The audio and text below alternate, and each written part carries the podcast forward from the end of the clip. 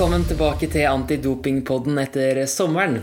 Og nå er jo vi i Antidoping Norge veldig stolt av å ha en eh, Mesternes mesterklar deltaker her på kontoret. Anne Margrethe Auske Nordberg, du har begynt hardtreninga mot eh, Mesternes mester, du? Ja, jeg har iallfall testa 90 grader, og jeg har, eh, jeg har testa nok armøvelser til jeg har fått en vond skulder, så jeg håper bare den gir seg før vi reiser om et par uker. Men du jobber altså fortsatt her i Antidoping Norge, og du har òg fått ny jobb siden sist. Fortell om det, for du har vært utøverkontakt nå i 50 stilling. Men nå har du fått ny jobb? Ja, nå har jeg økt til 80, for nå får jeg i tillegg til den oppfølginga av topputøverne og ansvar for forebyggende arbeid inn mot særforbundene. Og så skal jeg jo få brukt farmasiutdannelsen min litt eh, i forbindelse med søknader som kommer til oss om medisinsk fritak. Så jeg skal hjelpe litt til på det òg. Spennende. Men denne episoden den skal ikke handle om deg, Jan Margrethe.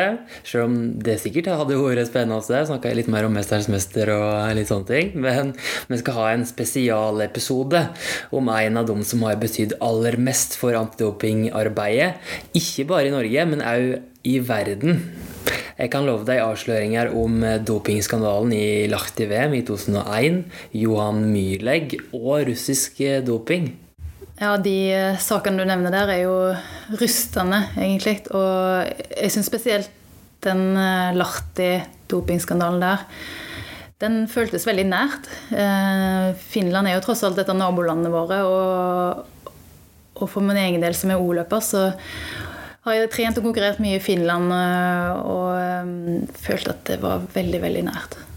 Jeg kan avsløre at det er Rune Andersen vi skal prate med. Han har nemlig blitt eh, pensjonist etter å ha vært spesialrådgiver i Antidop i Norge siden han kom hjem fra direktørjobb i WADA i 2014.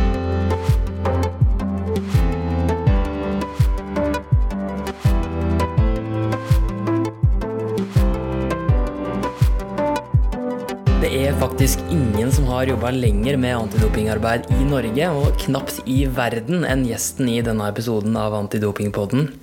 Det er nok få som veit mer om hva som har foregått av eh, doping i internasjonal toppidrett, og det er nok få som har gjort mer for å stoppe det. En kan vel si at han har via livet sitt til antidopingarbeidet, iallfall arbeidslivet, og nå er han fersk pensjonist, men spørsmålet er om han likevel ser seg ferdig med kampen for en rein idrett. Rune Andersen, velkommen til Antidopingpoden igjen. Takk skal du ha. Åssen er det å være fersk pensjonist? da? Har du rekke å kjenne på det ennå? Nei, egentlig ikke. Fordi um, det har vært og er fortsatt uh, veldig mye å gjøre. Selv om jeg formelt sett er pensjonist. Så um, jeg har en del oppdrag internasjonalt som jeg må fortsette med. Uh, holdt på å si dessverre. Og fullføre på et eller annet tidspunkt. Um, og så er det forhold her sikkert i Norge også som som jeg kommer til å bry meg litt om. Det er ingen late pensjonistdager ennå? Altså. Nei, det er ikke det. Og jeg syns det egentlig er helt ålreit at det ikke blir fra 150 og ned til null. Det bør bli fra 150 og kanskje ned til 100 en stund, og så kanskje trappe litt ned. Mm. Vi vet jo at du kanskje kommer ikke til å skryte så mye om hva du har oppnådd sjøl i denne podkasten, så vi må høre fra noen som har jobba tett med deg disse åra her. Begge har vært kulturministre, og begge har vært veldig engasjert i antidopingarbeidet. Du skal høre fra Linda Hofta Helleland og Toril Vidvei. For alle som har eh, et hjerte for idretten og ønsker at idretten skal være inn, så har Rune Andersen eh, betydd utrolig mye. Rune er jo på mange måter guruen i eh, internasjonal antidopingarbeid. Eh, den jobben han har gjort for Antidoping Norge og befeste posisjonen deres som en internasjonal anerkjent antidopingbyrå, men også i etableringa av WADA, har vært imponerende. De siste årene så har eh, Rune lagt ned et betydelig arbeid eh, for det internasjonale eh, friidrettsforbundet, og ikke minst antidopingarbeidet knytta til, til, til, Russland. Det har vært veldig krevende, men Rune står støtt i det. Og det gjør han pga. sin enorme faglige innsikt og kunnskap, men også sin lune og fine måte å være på. Så nyt eh, Rune Andersen svært stor respekt verden over for det arbeidet han har gjort, og fortsatt uh, gjør. Det har vært eh, en stor berikelse i mitt liv å bli kjent eh, med Rune og det arbeidet han gjør, og den inspirasjonen han er for at vi skal være med å kjempe for at utøvere over hele verden skal oppleve en, en, en idrett som er ren, der man kan Eh, kjempe med et likt eh, utgangspunkt. Og um, uansett hva som skjer videre, så um, vil Rune bli skrevet inn i historiebøkene i uh, den internasjonale idrettsverdenen for det utrettelige arbeidet for en ren idrett.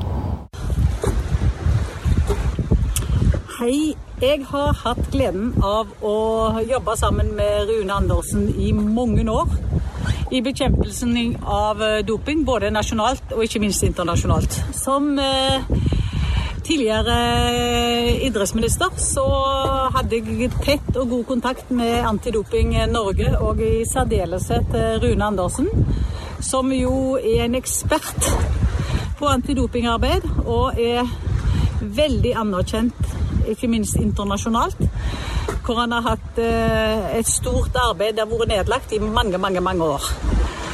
Det er ikke mange personer som eh, både eh, politikere, men også idrettsledere lytter så mye til som de gjør til Rune Andersen. Og grunnen til det er han er sannferdig, han har enorm kunnskap, han har en fantastisk formidlingsevne, han beholder roen. Og det er ingen plapring om tull og vas. Det er seriøst. Han leverer.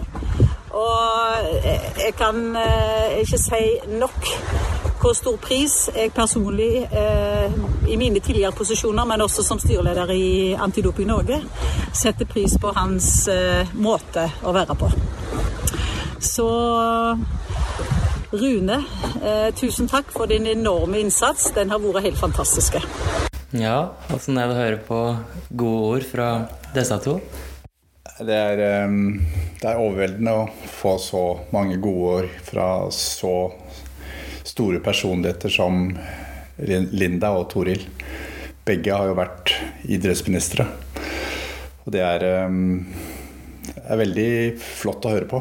Eh, og jeg tar det til meg. Og jeg syns det er eh, Veldig hyggelig. Det er godt, for nå skal vi jo grave litt i historia di da, som, eh, som antidoping, eh, som dopingjeger, som du har vært i så mange år. Eh, det er sikkert mange du ikke kan fortelle, mye du vet som du ikke kan snakke om, men vi er sikre på at vi skal få noen historier som veldig få har hørt her i podkasten i dag. Men først tilbake til der det starta, Rune. For du, du har jo ikke alltid vært dopingjeger. Og om du ikke har et bilde av Rune Andersen i huet, så kan vi fortelle deg at han er lengre enn de fleste, har blitt litt hvit i håret. Men de færreste hadde nok tippa at du var i pensjonsalder allikevel. Men lengda di den sier kanskje noe om åssen idrett du har drevet med når du var aktiv en gang i tida? Ja, jeg um, syns volleyball var en flott idrett. Det passer jo godt til høyden min. Man må ikke være høy for å kunne drive med volleyball, men det er en kjempefordel. Spesielt hvis man har litt spenst og kommer godt over nettet. Så det var min idrett da jeg var ung. Um, spilte i KFUM um, på ikke toppnivå, men uh, like under toppnivå. Så det var uh, en, er en flott idrett. Men det blei ikke utøver av deg, det blei heller uh dopingjeger? Nei, jeg var ikke noe det var, det var, ikke en karriere som jeg satset på. Jeg tror ikke volleyball heller i Norge er en karriere man satser på. Siden så har jo sandvolleyball kommet opp som uh, karriere for, uh, for en god del, og vi gjør det jo godt nå internasjonalt. Men um, på den tiden så var det ikke noe karriere å satse på, annet enn at man syntes at det var gøy, og at man, man spilte kamper og trente sammen med gode kolleger. Mm. Du var den første da som starta å jobbe fulltid med antidoping da du ble tilsett som dopingkonsulent i 1986 i Norges idrettsforbund. Men eh, var ikke, det var ikke den første gangen du jobba med antidopingarbeid. Hvordan var det du kom inn på det sporet, egentlig?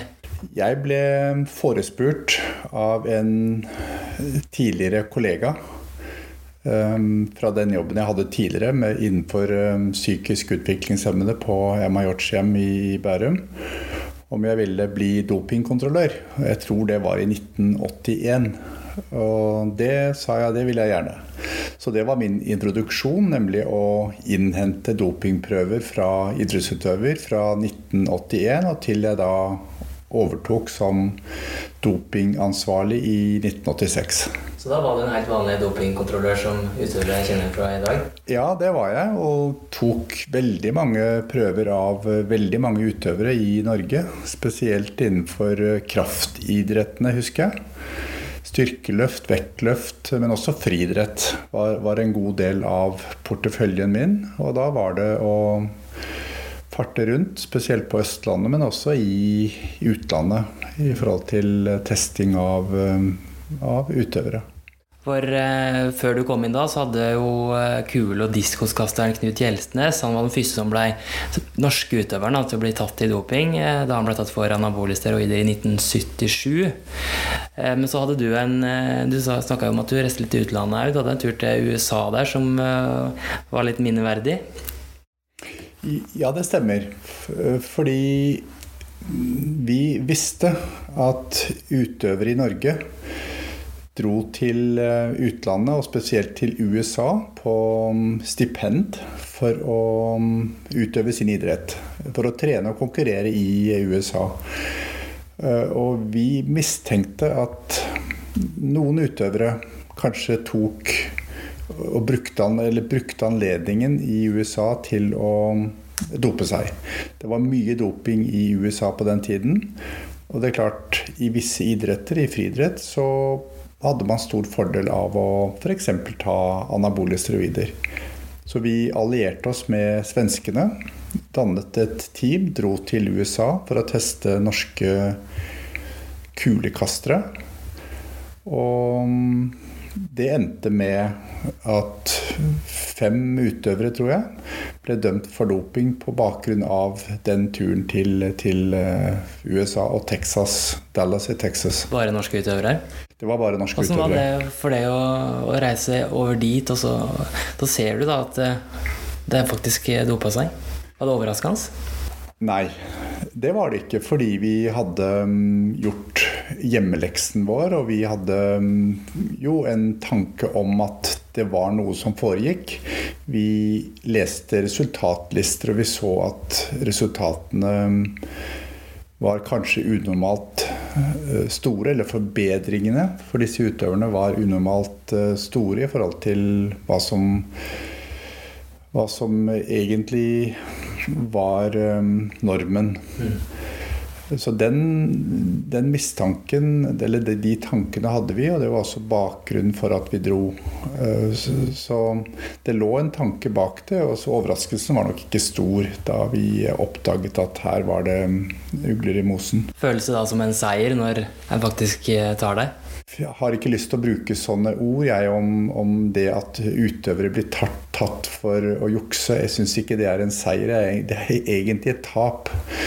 Men det er bra for de utøverne som er rene, at man får vekk de som prøver å lure til seg resultater urettmessig. Så det er en sånn bismak, eh, selv om man er tilfreds med at man får gjort jobben sin, og man får avslørt de som, som jukser. Hvor vanskelig eller lett var det å ta utøvere på den tida? da? 80-tallet var dette her, du var over dammen og tok disse kasterne?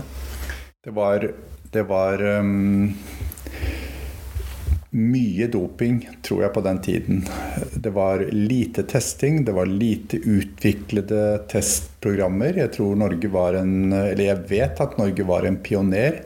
Tor Ole Rimjord og Arne Fagerli var de som startet dette og fikk med seg idrettsstyret. Hans B. Skaseth var selvsagt i kulissene lenge før det og gjorde en eh, kjempejobb med å implementere regler som gjorde at dette var mulig. Så den biten var på plass i Norge, men ellers var det veldig skralt med eh, dopingtester. Så utøvere trodde at det var mulig å, å, å dope seg uten å bli tatt. Men um, Norge hadde et system allerede da, på 80-tallet, som egentlig var langt fremfor de aller, aller fleste andre. Mm. Så gikk du jo gradene da i, i NIF, eh, som da hadde ansvaret for antidopingarbeidet, og du blei etter hvert eh, leder for arbeidet der. Åssen eh, var det arbeidet på den tida i forhold til det nå, da? Det var, en, det var jo en pionerinnsats, egentlig. For eh, som jeg nevnte tidligere, så var det lite utviklede systemer. Her var det IOC som hadde uh, satt, satt, i førersetet. Uh, og de gjorde en, en, god jobb til å begynne med. Fordi de ønsket å gjøre noe med dette. De hadde ansvaret for å akkreditere dopinglaboratorier. I etterkant av at faktisk friidretten gikk helt i bresjen for dette. Og de innarbeidet systemet for dopingliste, eh, som de sto ansvarlig for, frem til WADA ble etablert faktisk i, i 1999. Så det var en, en, en, god jobb de gjorde, men for oss som startet dette i Norge, så var det et pionerarbeid. Og vi måtte starte fra begynnelsen av med å utvikle prosedyrer, utvikle skjema få tak i hvordan prøveutstyret skulle være osv. osv. Mm. Analyse var en annen sak som kom opp. Vi etablerte et laboratorium på Aker sykehus i, på 80-tallet. Så alt dette her har gått suksessivt fremover, og det vi ser i dag, er en helt annen verden. Mm. Men da, da visste dere han at det var, del, det var, doping i norsk idrett. Det viste jo med, med positive prøver på 80-tallet. Og mye Åssen inntrykk hadde dere på 90-tallet om doping i norsk idrett, norsk toppidrett på den tida da? Det vi visste, var at i visse idretter så var det ganske ille.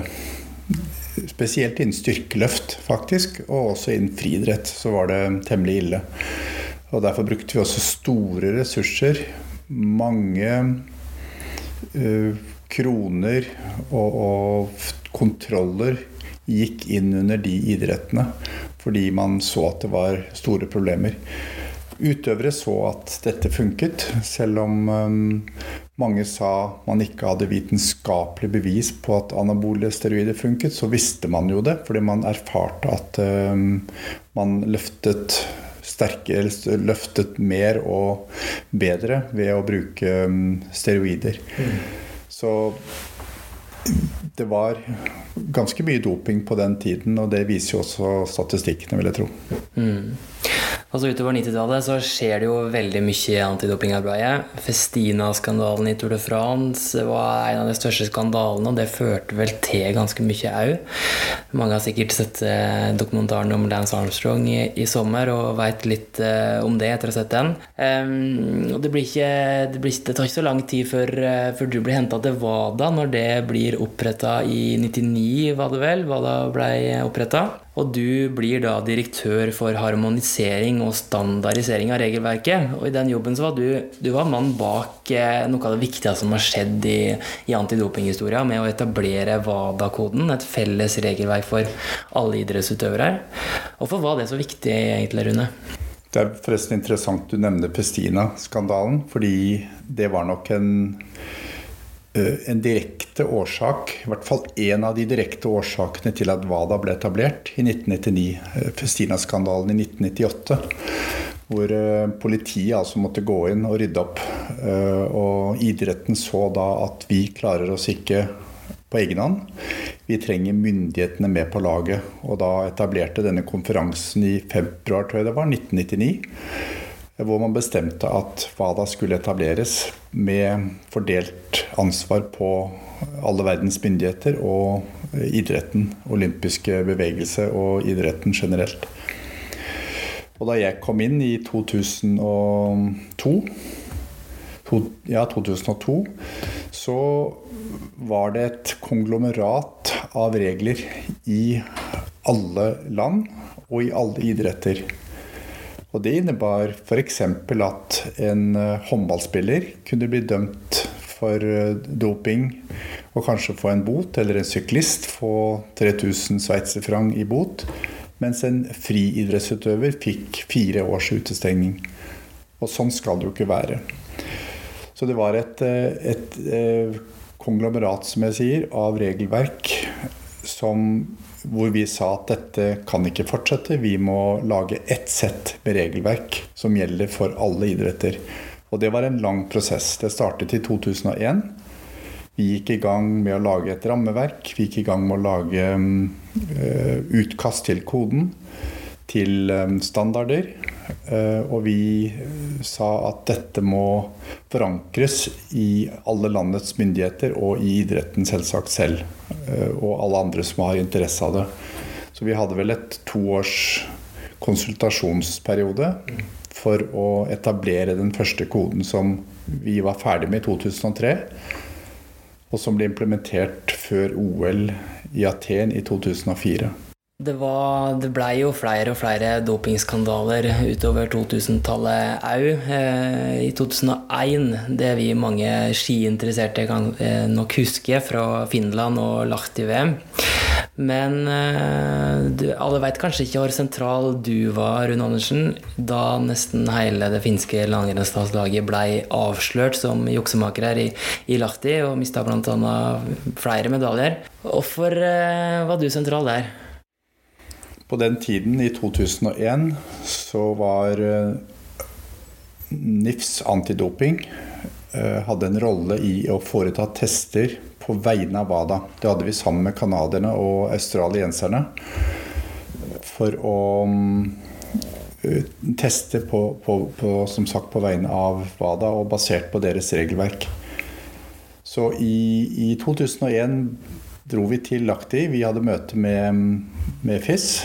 Sara Louis, som er generalsekretær i FIS. Vi sa vi ønsket å ta tester. Um, og det var helt ok for, for eh, FIS og for henne. Vi um, sa fra til det um, finske landslaget. Vi hadde møte med treneren og sa vi ønsket å ta tester, og de sa at det hørtes bra ut. Og dere kan komme på lørdag. Da passer det godt, for da har vi, har vi fri. Vi sendte et team på torsdag, for vi ville jo ikke ta test når de ønsket at vi skulle komme. Eh, og da var det egentlig en full uttelling, hvis man kan kalle det det, på de testene som ble foretatt eh, av eh, oss og av WADA. På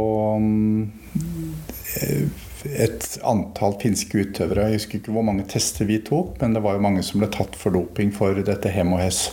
Som som laboratoriet analyserte, og som vi fikk eksperter opp fra et annet laboratorium for å gjøre analyser på. Så det var, um, det var en stor sak. Uh, og det var altså WADA som foretok de testene gjennom uh, antidopingsystemet i, i NIF, som lå under NIF på det tidspunktet. Men hadde dere da mistanke til de finske utøverne som gjorde at dere ville Ja, det hadde vi. Vi hadde innspill. Vi hadde um, såkalt intelligence som, som tilsa at her var det um, noe som foregikk. Finnene hadde jo også en historie for bruk av, av doping eh, tidligere. Eh, og her var det et, et sofistikert bruk av, av doping eh, som, vi, eh, som man mente da, som sannsynligvis finnene mente, ikke kunne avsløres. Fordi laboratoriet i Lahti eller i Helsinki ikke kunne det, men vi fikk da den metoden på plass slik at dette kunne avsløres. Mm. Så hvis ikke, hvis ikke, du hadde beordra den testen akkurat på torsdagen og hadde gjort det på lørdagen, som det landslaget sjøl ville, så er det ikke sikkert at de hadde blitt tatt? Nei, det er ganske sikkert at de ikke hadde blitt tatt. Det er, um, det er jeg ganske sikker på. Og det var vel òg et, et, slags gjennombrudd å, å, å, ta deg på den tida der? Ja, det var det. Fordi vi, vi hadde som sagt oppdrag uh, om å ta disse prøvene. Og, og det var oss uh, og som sagt Canada og Australia som satte opp plan for hvordan disse prøvene skulle distribu eh, distribueres. Um, og den, den, planen i forhold til risikofaktorer på hvilke utøvere som bruker doping, den informasjonen vi har om miljøer innenfor de ulike landene i, i ulike idrettsgrenene, ble tatt i betraktning da vi satte opp plan for hvem som skulle testes. Og da var naturligvis VM i ski av de, eh, en av de konkurransene hvor vi eh, ønsket å, å, å, komme inn. Og det at vi hadde møte med finnene, det høres jo kanskje litt rart ut med forvarsel, men det var helt bevisst for å vise dem at vi var der, eh, og spørre om når det passet at vi kom. Hm. Og Det førte jo til en av de verste skandalene i finsk idrettshistorie. altså På heimbane i VM så blir nasjonalhelter som Jari Ismotse og, og Kirvisnemi tatt. Og, og, du er en av de som står bak det. Hvordan føles det som for en dopingjeger i etterkant av? Vi sto bak det, og vi si, Ingen visste at det var vi som hadde foretatt testene. Og det syns egentlig jeg var helt ålreit. Uh, at vi ikke ble fokusert på i, i, den sammenheng. Det var uh, FIS som da fikk overlevert resultatene, som hadde resultatansvaret, og som måtte stå i dette. Sammen med naturligvis det finske skiforbundet og det finske idrettssystemet. Men det har vel eh, sjelden kommet frem hvem som, som sto bak dette, og det syns jeg som sagt er helt ok. Mm. Som jeg skjønner, så har du, har du, opplevd mange og vært tett på mange dopingavsløringer. Året etterpå så var det jo en, nye avsløringer i Salt Lake OL i 2002 blant eh, langrennsløpere. Du var der da Johan Myrleg avla positiv dopingprøve du etter å ha tatt OL-gull? Ja, jeg var um, såkalt uavhengig observatør på vegne av WADA overfor IOC, som sto da ansvarlig for kontrollen under uh, lekene i Salt Lake i 2002. Um, og jeg observerte mye, bl.a. Uh, Johan Mylleg, da han kom inn til sin dopingkontroll og um, ba om å få gå ut og urinere på utsiden av den dopingkontrollstasjonen vi hadde. Det var egentlig ikke anledning til, men det ble oversett av kontrollørene. Dette rapporterte jo naturligvis jeg, at dette er ikke i henhold til reglementet. Han gjorde det, og det viste seg da at han øh, avla en prøve som omtrent så ut som vann. Altså vi måler såkalt spesifikk vekt på urinen. Og jo høyere den er, jo mer konsentrert er den. Og vann er 1,000. Og dette var tett opp til det. Det innebar at vi i, i, mitt team informerte om at her bør det foretas ytterligere prøve. Fordi den prøven kan sannsynligvis ikke analyseres. Og jeg tror på seiersseremonien så ble han plukket inn til kontroll igjen. Og da viste prøven seg å være positiv. Og da hadde han jo knust hele langrennsverdenen. Eh, man har kanskje ikke sett en sånn eh, type seier som han gjorde der. Og mange blei vel mistenksomme, og det var vel kanskje det kan i i apparatet, doping, antidopingapparatet rundt der? Ja, vi så løpet hans. Vi så hvordan han sprintet opp bakkene fra um, en svenske, tror jeg det var. Elofsson. Elofsson, ja. Han ødela jo karrieren sin med å henge på myrlegg der. Nettopp. Eh, det observerte vi. Um, på, tids, på det tidspunktet så var Arne Ljungqvist svensk professor og leder av um, både IOCs Medical Commission, som det heter, og WADAs medisinske komité.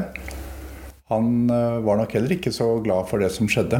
Eh, så vi, vi satte mye inn på å avsløre de som jukset under Salt Lake. Og jeg husker ikke hvor mange positive prøver det var, men det var sikkert noen. Så det, sånne mesterskap sitter kanskje ekstra i når du tenker tilbake på karrieren?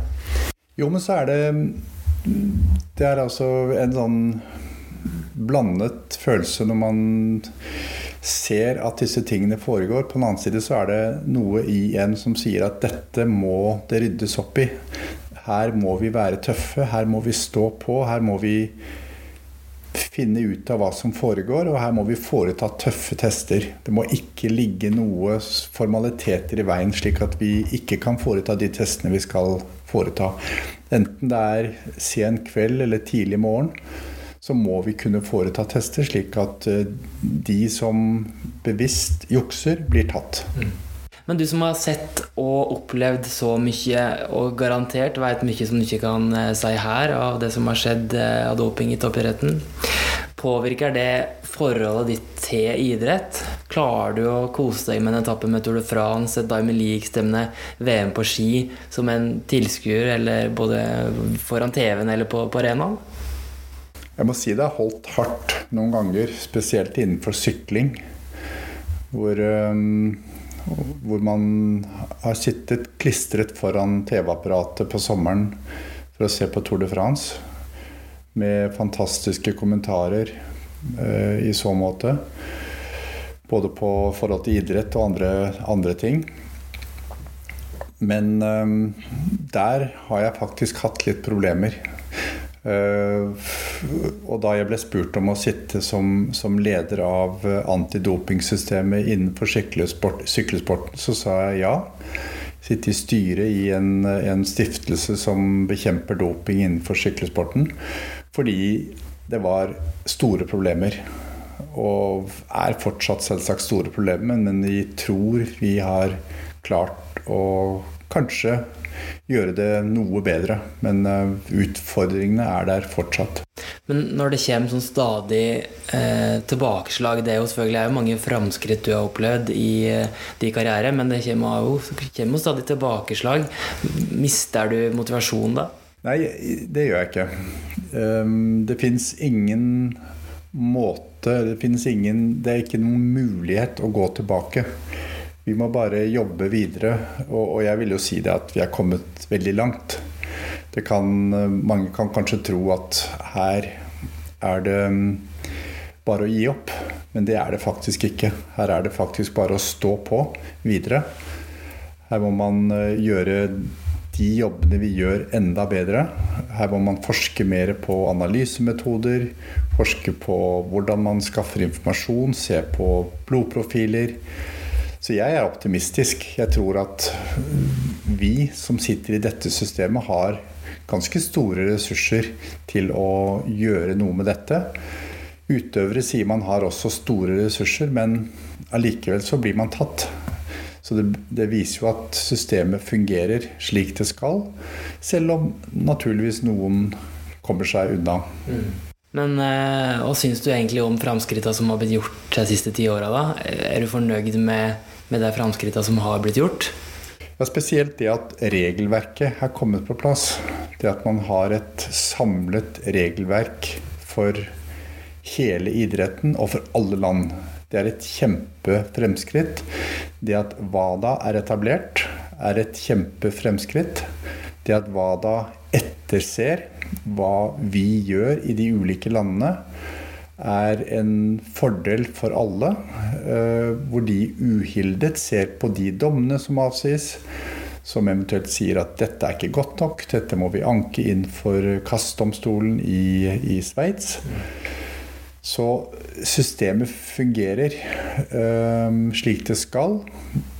Men selvsagt så er det mange ting man kan, man kan gjøre bedre. Mm. Hva er det ordet verste tilbakeslaget, da? Jeg tror nok at kanskje viljen fra idrettens side, fra de internasjonale særforbundenes side, til å ville sette nok ressurser inn på å bekjempe doping, er én eh, side av dette. Det at man sier at dette ønsker man å bekjempe, men kanskje gjennom handling ikke mener så veldig mye om det. Og kanskje ikke setter inn de ressursene man, man eh, hadde trodd skulle bli satt inn.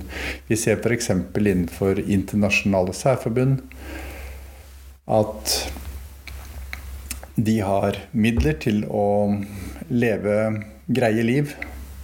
Ha høye honorarer og lønninger. Eh, og så kommer man da til antidopingarbeid, og så sier man nei, det har vi ikke råd til fordi det koster så mye. Men har man råd til å drive en idrett, eh, så har man også råd Eller så må man, og bør man også ha råd til å drive et antidopingarbeid. Fordi det er snakk om like vilkår for alle utøvere. Mm.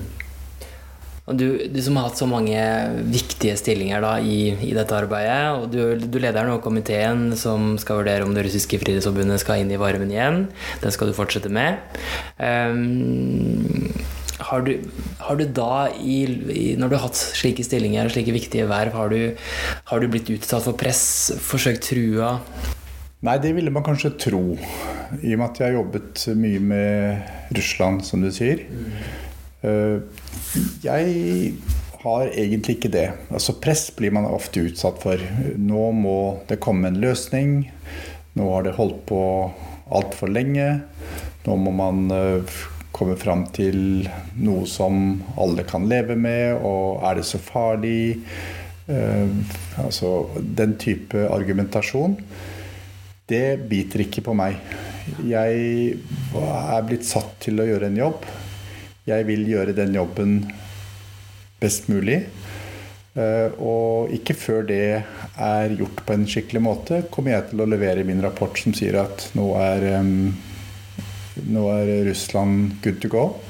Nå kan de komme tilbake i det gode selskap, og nå kan de gjøre jobben sin med å endre kultur.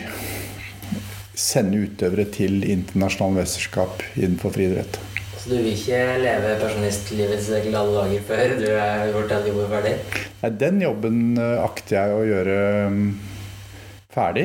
Eh, og jeg vet ikke hvor lang tid det vil ta. Forhåpentligvis kort tid. Eh, men man endrer ikke kultur i russisk friidrett på altfor kort tid. Nå utarbeides det planer for hvordan dette arbeidet skal gjøres. Og vi skal se på dette. Og vi skal vurdere det, og vi skal virkelig gå inn for å bistå, assistere, hjelpe russisk friidrett med å komme tilbake. Det er målet vårt, og ikke noe annet. Men når du har jobba så lenge med Russland som du har gjort, og det stadig Du jobber fortsatt med det, vi får ikke, noe, ikke sett noen løsning ennå. Har det vært tung materie å jobbe med når eh, det har vært vanskelig å se en løsning? Ja, vi mener i løpet av disse fem årene vi har jobbet med russisk friidrett. Og vi har ment fra tid til annen at nå ser vi lys i tunnelen. Men plutselig så har det ramlet ned steiner som har blokkert utgangen. Slik at vi har måttet starte på nytt. Eh, ved at det har vært eh, korrupsjon, det har vært løgner, det har vært um, innspill som har medført at vi har måttet starte fra begynnelsen av igjen. Og en slik situasjon var nå nylig, hvor, vi, hvor hele lederskapet i russisk friidrett måtte gå av pga. at de hadde det skjult eh, en um, utøver fra å bli tiltatt for doping. Så de tilbakeslagene har vi hatt. Men eh, nå starter vi på ny igjen, og vi har fått um, dette i godt gang, gjenge. Så vi, vi, håper at vi skal um, få endret mye av det som er der borte nå. Mm. Men eh, jeg skjønner at du skal jobbe mye med Russland fortsatt framover. Hva annet er det du vil engasjere deg i, da, for jeg skjønner at den kampen for en ren idrett det er et livslangt prosjekt for deg? Jeg tror det er mange spennende oppgaver i internasjonal idrett. Eh, der er man ikke kommet så veldig langt, etter mitt syn. Der er det en stor jobb igjen å gjøre. Vi har sett nå innen f.eks. vektløfting, hvor en um, president har sittet så lenge at han til slutt ble kastet. Jeg tror uh, spørsmålet om hvordan internasjonal idrett styres generelt, og, spesielt overfor antidoping, er noe som mange bør og kan gripe fatt i med hell. Eh, hvor det faktisk ikke er all verden som må gjøres for å gjøre det mye, mye bedre. Mm. Vi ser nå innenfor eh, f.eks. skiskyting. Der er det etablert et nytt system.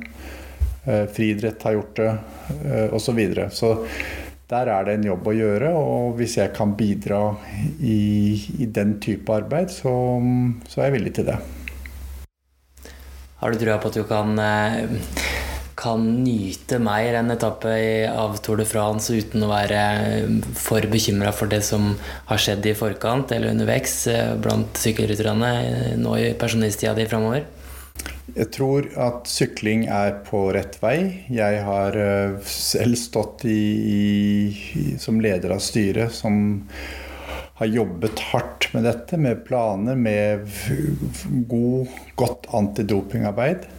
Så jeg tror at de er på rett vei, men um, fortsatt så er det som sagt skjær i sjøen.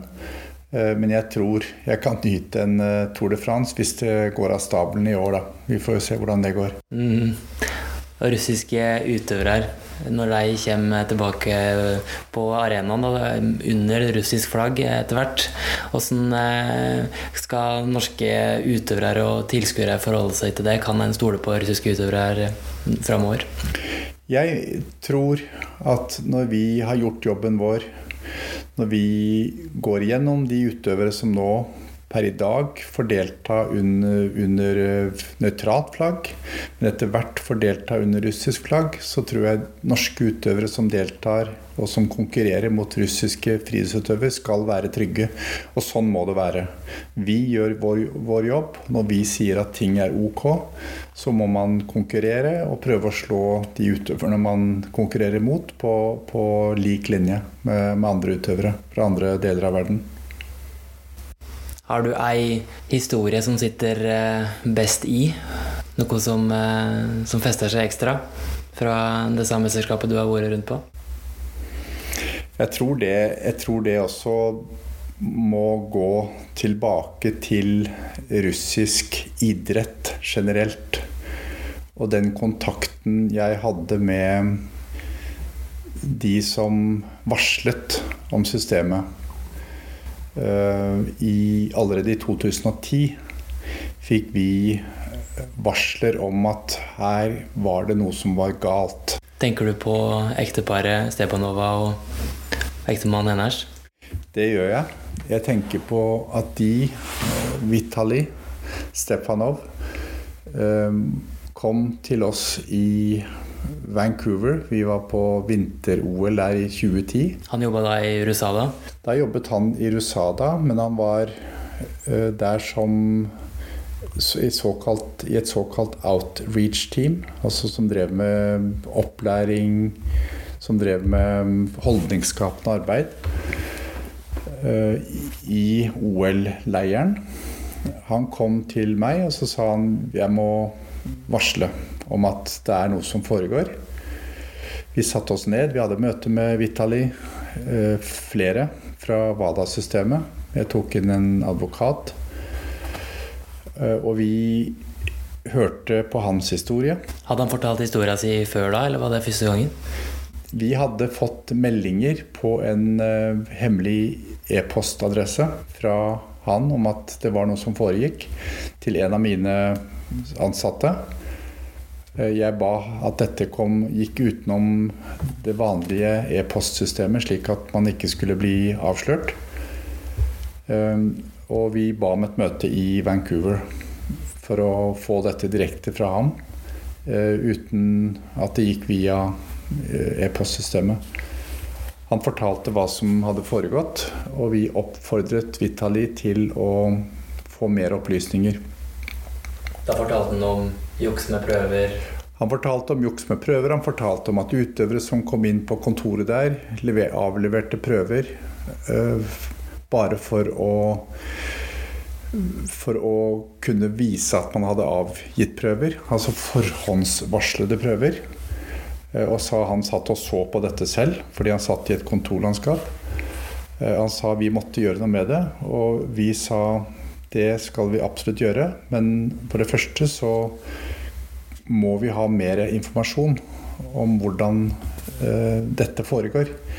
Og du må prøve å skaffe mer informasjon. Du må også ta vare på deg selv og din eh, kone. Som da var aktiv fortsatt og Nettopp. innenfor systemet? Ja.